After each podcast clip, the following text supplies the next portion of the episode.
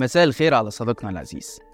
في نهاية 2022 الرئيس الصيني حذر من تراجع النمو السكاني وقال إن دي ظاهرة خطيرة بتهدد مستقبل بلد المليار ونص نسمة وكمان طلب من الشباب الإقبال على الزواج والإنجاب. طبعا أنت هتستغرب وهتقول لي معقول الصين اللي اتشهرت بسياسة الطفل الواحد يحصل فيها كده؟ هقول لك وأكتر من كده كمان. الحكومة الصينية بدأت من سنة 2015 تروج لشعارات مختلفة تماما عن سياسات تحديد النسل. وده حصل بالتزامن مع بدء السماح بإنجاب طفل تاني ودلوقتي طفل تالت الدعاية الحكومية هناك بقت تشجع المواطنين على إنجاب الأطفال من أجل البلاد. وحتى الصحيفة الرسمية للحزب الشيوعي خصصت صفحة كاملة في أحد أعدادها كان عنوانها إنجاب الأطفال مسألة عائلية ولكنها أيضا قضية قومية. ده غير اقتراحات بتوجيه 5% من إجمالي الناتج المحلي لتشجيع الإنجاب من خلال تقديم حوافز نقدية مباشرة أو إعفاءات ضريبية والبعض كمان بيطالب بتمديد إجازة الأمومة ورفع القيود على عدد الأطفال المسموح بإنجابهم طب ليه الصين عندها مشكلة سكانية دلوقتي؟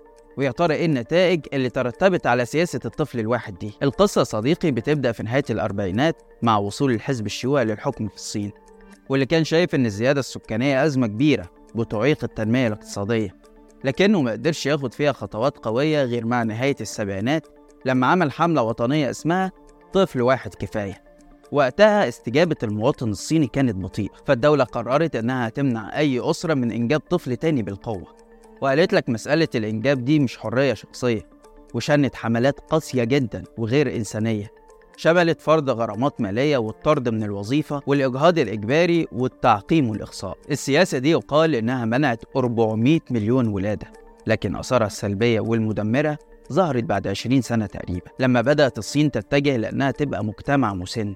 11% من السكان بتزيد أعمارهم عن 65 سنة وده بيهددها بخسارة ميزة اقتصادية تمثلت في وجود عدد سكان هائل أغلبه من صغار السن والشباب. ده غير إن في فجوة هائلة بين أعداد الذكور والإناث لأن أغلب العائلات كانت بتلجأ لعمليات إجهاض انتقائي وبتفضل إن ابنها الوحيد يكون ذكر مش أنثى. عشان كده في السنوات العشر المقبلة النساء الصينيات في عمر 23 ل 30 سنة هينخفض بنسبة 40% هتقولي مش هما لغوا السياسة دي؟ خلاص هقول لك فعلا يا صديقي. هما بدأوا يخففوا القيود بدءا من سنة 2000 ودلوقتي المواطن الصيني يقدر ينجب ثلاث أطفال. بس المشكلة إن بقى في جيل صيني مش عايز يتجوز ولو اتجوز مش عايز ينجب ولو أنجب طفل مش عايز ينجب تاني. جزء من ده سببه الحداثة اللي العالم كله بيعيشها مع ارتفاع نسب التعليم وعمل المرأة الناس ما بقتش قادرة تخلف ستة وسبعة وتمانية زي ما كان بيحصل زمان وبقى أغلب الناس بتكتفي بطفلين أو ثلاثة بس كمان في حالة الصين الأجيال الحالية اتربت على ثقافة معادية للزواج والإنجاب. ده غير إن موضوع تربية الأطفال مكلف جدا هناك. عشان كده معدل المواليد مستمر في الانخفاض. وبدل ما كان حوالي 17 مليون مولود سنة 2017 بقى 9.5 مليون مولود سنة 2022 في حين شهدت سنة 2022 انخفاض عدد السكان في الصين بمعدل 850 ألف نسمة عن السنة السابقة. طب إيه المشكلة لما الصينيين يقلوا شوية؟ ما هم برضه عددهم كبير. الفكرة صديقي مش في العدد خالص لكن في التركيبة السكانية. مثلا في حالة الصين البلد بقت مجتمع أغلب أفراده ذكور مسنين وده بيأثر سلبا على الاقتصاد نفسه. لما تعرف إن 25% من القوى العاملة هتتقاعد بنهاية العقد الحالي. الحكومة الصينية بتشجع الإنجاب دلوقتي لأسباب اقتصادية بحتة. لو متابع هتعرف إن معدل النمو في الصين انخفض في السنوات الأخيرة بشكل غير متوقع. في 2022 بلغ 3% بس متراجع عن 2021 اللي كان معدل النمو فيه 8.4% ويكفي إن أقول لك إن ده أسوأ معدل في تاريخ الصين من سنة 1976 رغم إن التجربة الصينية بتدرس كمثال على خطورة التدخل في عملية الإنجاب بشكل قصري واعتبار إن ده يتنافى مع الطبيعة وإن آثاره الإنسانية والاجتماعية والاقتصادية مدمرة للغاية. لكننا فوجئنا بالسيسي بيتكلم عنها بإعجاب شديد وبيقول صراحة إن عملية الإنجاب ما ينفعش تكون حرية مطلقة في ظل وجود شعب مش مدرك التحديات اللي الدولة بتواجهها هل السيسي عايز يطبق التجربة الصينية في مصر؟ وهل تقدم مصر وتنميتها واقف فعلا على تحديد النسل؟ ده اللي هنحاول نعرفه معاكم في حلقة النهاردة أنا عبد الرحمن عمر وده برنامج الحق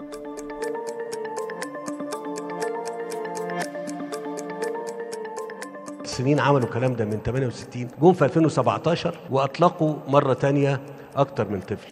إمتى عملوا كده؟ بعد ما حققوا النجاح وظبطوا النمو السكاني ويمكن السنة اللي فاتت أول مرة في تاريخ الصين الحديث يحصل تراجع في عدد السكان في الصين.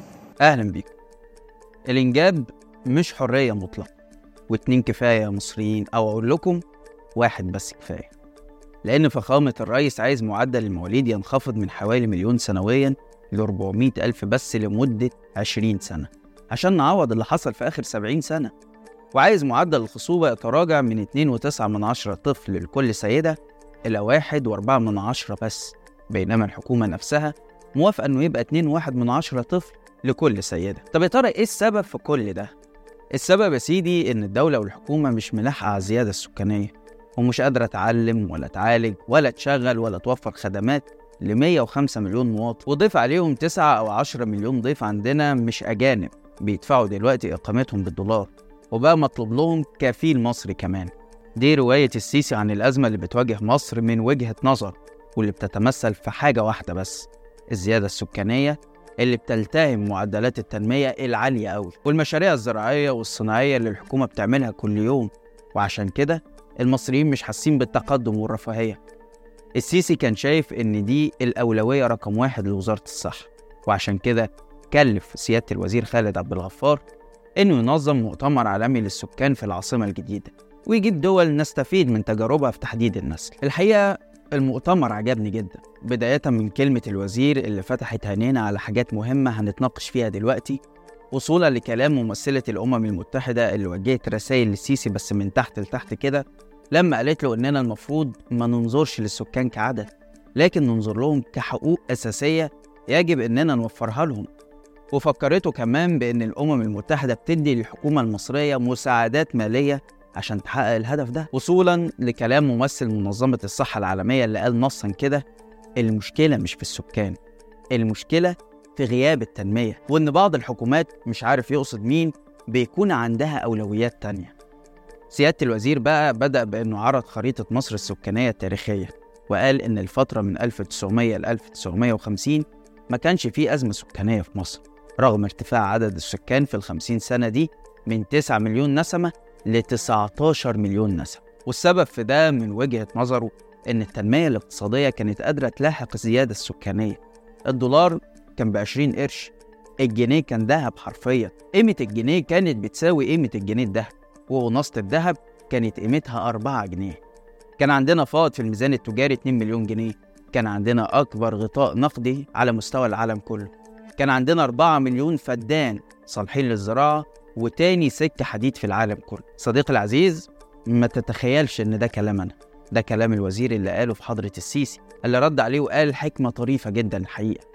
وهي إن الناس كانت سعيدة وهي بتقبض جنيهات في الخمسينات بينما النهاردة بيقبضوا بالآلاف ومش سعداء. الريس مش واخد باله مين اللي ضيع قيمة الجنيه وبقى كل شوية يعومه لحد ما غرق في شبر مية. اللي النهارده كان المواطن في الخمسينات كان بيقبض جنيهات وكان سعيد جدا بالجنيهات ديت ودلوقتي بيقبض آلاف الجنيهات ومش سعيد. طيب إيه اللي حصل بقى من بداية الخمسينات؟ في رواية السيسي حصل سبع حروب منهم حرب ضد الإرهاب وثورات أهمهم ثورة يناير اللي ضيعت على البلد 400 مليار دولار من وجهة نظره هو واللي كان سببها إن الناس شافت إن الدولة غير قادرة على تلبية احتياجاتهم. في اختصار مخل الحقيقة جدا لثورة عظيمة زي ما رفعت شعار العيش رفعت شعار الحرية والعدالة الاجتماعية. وحتى حجة الحروب دي بقت مش مقنعة قوي لأن دول تانية زي كوريا الجنوبية واليابان وغيرهم كتير عدت عليهم حروب دمرت البلد ومع ذلك قدروا يقوموا مرة تانية ويحققوا نهضة وتقدم. لكن السيسي شايف إن دي الأسباب اللي وصلتنا للوضع الحالي مع إن خطط مصر السكانية بدأت قبل اندلاع الحروب والثورات وتحديدا في منتصف الستينات مع تأسيس المجلس الأعلى لتنظيم الأسرة. في بداية الستينات معدل الإنجاب في مصر كان 6.8 من عشرة طفل لكل سيدة. وبطبيعة الأحوال المعدل ده انخفض تدريجيا لغاية ما بقى 3 أطفال لكل سيدة سنة 2008 والنهاردة المعدل ده انخفض بنسبة بسيطة عشان يبقى 2.9 من عشرة طفل لكل سيدة. حلو؟ لا مش حلو. السادة المسؤولين شايفين إن في أحسن من كده يا مصريين وإننا ممكن ننزل الرقم ده لاتنين بس. والسيسي شخصيا عايز ينزله لطفل واحد. ونلتزم بالخطة دي لمدة 20 سنة على الأقل. وبعدها خلاص بقى مش هيبقى عندنا مشكلة في السكان. يعني بالظبط نطبق الخطة الصينية اللي زي ما وضحنا سببت كوارث في بلدها. وده الحقيقة بيطرح سؤالين. الأول ليه السيسي نفسه ما التزمش بالمبدأ ده؟ الراجل ما شاء الله عنده أربع ولاد محمود ومصطفى وحسن وآية. ثلاث أولاد محمود الكبير. مصطفى ده اللي بعد منه حسن الثالث وآية الأخيرة. ممكن قوي يبقى هو عارف إن العدد كبير ويتصور إن هو طب ما جاتش عليا. يعني ما جاتش على الأسرة دي إنها تجيب أكتر من ثلاث أربع أفراد. هل الرئيس وقتها ما كانش مدرك بالتحديات اللي بتواجه الدولة مع إنه مأكد لنا إنه عارف كل تفصيلة في الدولة وإنه من صغر سنه وهو بيقرأ وبيتابع السياسة وعارف كل مشاكل البلد وهو لوحده اللي عنده كل الحلول. طيب نفترض إنه ما كانش مدرك تحديات البلد أو زي ما هو بيتكلم على الشعب تفكيره كان أناني شوية وقال لك ما جاتش عليا يعني. مش يكون كويس لو التزم بشوية لياقة واحترام وهو بيتكلم على الناس وبيقول حرية الإنجاب دي مش مطلقة. يعني من الآخر كده ليه السيسي اللي ربنا رزقه بأربع ولاد بيطلب من المصريين يكتفوا بطفل واحد بس؟ ده حتى المثل بيقول اللي بيته من الإزاز ما يحدفش الناس بتحديد الناس. حرية مطلقة في عملية الإنجاب لناس يعني قد لا تكون آه، يعني مدركة بحجم وحجم التحدي. طب ما هو في النهاية المجتمع كله والدولة المصرية بتدفع الثمن وعشان كده بقول لك يا خالد أنا مش يعني مش متفق معاك قوي في موضوع الحرية المطلقة في عملية ال- المواطن. لا يا جماعة لا لا لا, لا, والله يعني لو كان الحرية المطلقة والناس هتستحمل وتسكت خلاص. ممكن حد يقول لك ده كان رئيس مخابرات وراجل مقتدر. وعارف هيربي عياله إزاي؟ مش مواطن بسيط ما هواش لاقي ياكل وماشي بمبدأ العيل بيجي برزقه وهنا إحنا بنقع في مشاكل أخلاقية ومنطقية كتير. لأن بالشكل ده هنخلي حق الإنجاب للأغنياء فقط. ده غير إن مين في الحياة كلها ضامن المستقبل. ما يمكن الغني يفتقر والفقير يغتني. وإن كان في بلدنا دلوقتي الأغلبية بتفتقر الحاجة التانية يا صديقي إن كلام الحكومة عام وداخل فيه الأغنياء والفقراء. السؤال التاني وهو طريف شوية كده إلى أي مدى السيسي معجب بالتجربة الصينية؟ لأن إحنا من ساعة موضوع البريكس ونبرة الاشتراكية في خطاب المؤيدين زادت قوي. الطريف في الموضوع إن وأنا بقرأ في التجربة الصينية لقيت في 2019 كان عندهم مقترح بتأسيس صندوق للمواليد. فكرته إن كل أسرة هتحط نسبة في الصندوق ولو قرر الزوجين إنهم يحصلوا على طفل تاني ياخدوا فلوسهم. ولو ما قرروش ما ياخدوش فلوسهم غير مع المعاش بعد سن التقاعد. لما شفت الاقتراح ده عرفت السيسي جاب فكرة صندوق الزواج اللي كان اقترحه من فترة منين. هو بس لغى موضوع استرداد الفلوس مرة تانية. نرجع تاني بقى لموضوع السكان ونحاول نفكر مع بعض. ليه الحكومة بتاعتنا بتشوف الشعب عبء عليها؟ لدرجة إن وزير الصحة يقول إن تنظيم الأسرة هو أكبر مشروع استثماري ممكن مصر تعمله لأن من وجهة نظره هيوفر للحكومة مليارات الجنيهات اللي المفروض يتم إنفاقها على التعليم والصحة والإسكان والتوظيف وباقي الخدمات. ولدرجة إن السيسي يطلب من الدول الأجنبية تنظيم عملية الهجرة. يعني الراجل عايز يخلص من الشعب أصلا ويا ريته بيتكلم مع دول اقتصادية كبرى. ده كان بيوجه الكلام ده لوزيرة من صربيا اللي هي دولة فقيرة في شرق أوروبا. لما قالت له إن بلدها مش بتشوف إن عندها أزمة سكان وإنهم بيشجعوا الشباب على الإنجاب عشان يتجنبوا إنهم يكونوا دولة عجوزة.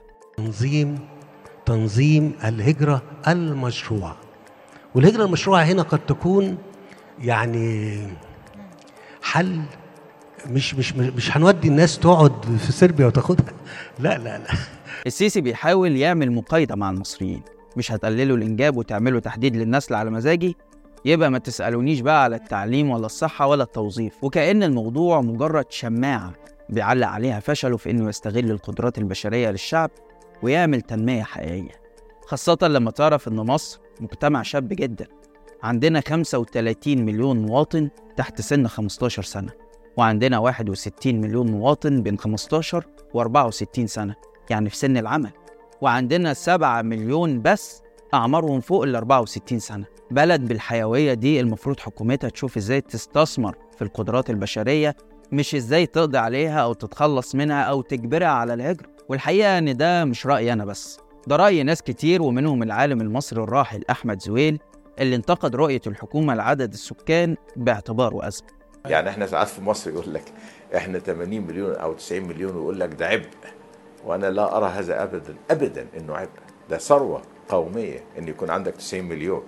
بس تعلمهم كويس وتديهم فرصتهم كويس هتشوف بقى هم هيعملوا لك إيه. لكن اللي حصل النهارده هو إنه الدولة بتتخلى عن دورها ده. ومش بس كده دي بتبيع أصول البلد عشان تحل أزمة الديون اللي غرقتنا فيها. السيسي باع الأيام اللي فاتت 30% من شركة الشرقية للدخان للإمارات مقابل 19.3 من عشرة مليار جنيه. والشركة دي بعيدا عن رأينا في موضوع التدخين لكن بلغة الأرقام محققة مبيعات حوالي 55 مليار جنيه وصافي أرباح 4.5 مليار جنيه سنويا. ده غير فكرة إن حتى مزاج المصريين بتبيعه للإمارات اللي شركاتها بقت بتملك الحصة الأكبر من سوق الدخان في مصر بحوالي 40% وده جزء من خطته لبيع ست مشاريع ناجحة وبتدخل أرباح مهولة للبلد بهدف جمع 5 مليار دولار في أقل من سنة واحدة. عشان نسدد الديون اللي وكالة رويترز قالت إنها بتصل ل 100 مليار دولار خلال الخمس سنين اللي جاية. المشاريع دي أبرزها شركة دمياط لتداول الحاويات اللي أصولها بس 3 مليار جنيه وصافي أرباحها السنوية أكتر من مليار جنيه. ودي تحديدا في شركتين إماراتية وقطرية طالبين الاستحواذ على 20% منها. ده غير محطة كهرباء بني سويف اللي شركة سيمنز الألمانية بنتها بتكلفة تخطت 2 مليار يورو. كلها كانت بقروض أوروبية. الحكومة دلوقتي بتستأذن الدائنين إنها تبيع 70% منها في صفقة تقدر بحوالي مليار و800 مليون دولار. نفس الكلام فيما يتعلق بمحطة جبل الزيت ودي مزرعة رياح بلغت تكلفتها حوالي 500 مليون يورو وبرضه من خلال قروض أوروبية ويابانية. الحكومة على وشك بيعها لشركة بريطانية مقابل 300 مليون دولار بس يعني بخسارة وإحنا لسه أصلا ما سددناش تكلفتها كاملة للدائنين. بعد كل ده مش منطقي خالص إننا نصدق كلام السيسي لما يقول إن الأزمة تكمن في الزيادة السكانية. لأن الأزمة الحقيقية اللي الكل شايفها ومدركها هي فشله في إدارة البلد وتعليق الفشل ده على أي شماعات تانية مش هيخيل على الشعب. في النهاية السيسي لو عليه فهو ممكن يطبق النموذج الصيني في مصر قسرا وبالإجبار. ويمكن تفتكروا طبيبة البحيرة اللي كشفت عن وجود خطط حكومية غير معلنة لإجبار السيدات على تركيب وسائل منع حمل خلال عمليات الولادة القيصرية. فالمبادرة دي جايبة نتائج كويسة معانا جدا. يعني أنا عندي في المستشفى حوالي وصلنا ل 97 و 98% اللي إحنا بركب الوسيلة أثناء العملية القيصرية. فديت لو طبقت على مستوى الجمهورية أعتقد إن هي هتجيب نتيجة كويسة جدا بإذن الله. بس رغم كده الحقيقة إن السيسي والحسن الحظ غير جاد ولا مهتم بموضوع السكان ده. ده غير إنه عارف كويس قوي إنه مش هيقدر يتحدى المجتمع بجد ويعمل زي ما الصين عملت. الموضوع بالنسبة ليه زي ما قلنا مجرد حجة أو شماعة عشان لما الناس تيجي تحاسبه يقول لهم ما أنتوا اللي كتير. قبل ما نختم الحلقة خلونا نتوقف عند ملاحظة طريفة برضه وهي إن الوزراء بقى ينهوا كلامهم بجملة لجمال حمدان واللي غالبا بتكون من كتاب شخصية مصر. وده معناه إن السيسي لسبب ما معجب بالكتاب ده. عشان كده خلونا نفكروا بالكلمة دي من نفس الكتاب. بيقول جمال حمدان الدكتاتورية هي تعبير مباشر وضمني عن النقص. فالحاكم الذي يعاني من مركب نقص شخصي أو فكري أو عملي يعوض عن هذا النقص بفرض إرادته ومشيئته بالبطش والقهر والتحكم والطغيان. ليثبت لنفسه وللآخرين أن الرجل القوي لا الرجل الضعيف ولا الرجل الصغير كما يشعر في قرارة نفسه. بس كده. لحد هنا وحلقتنا خلصت. شارك الحلقة لو عجبتك وتابع حساب شباك وحسابي على الانستجرام هتلاقي اللينك في الوصف. واستنانا كل يوم اتنين وجمعة الساعة 8 بالليل بتوقيت القاهرة في حلقة جديدة من برنامج إيه الحكاية سلام.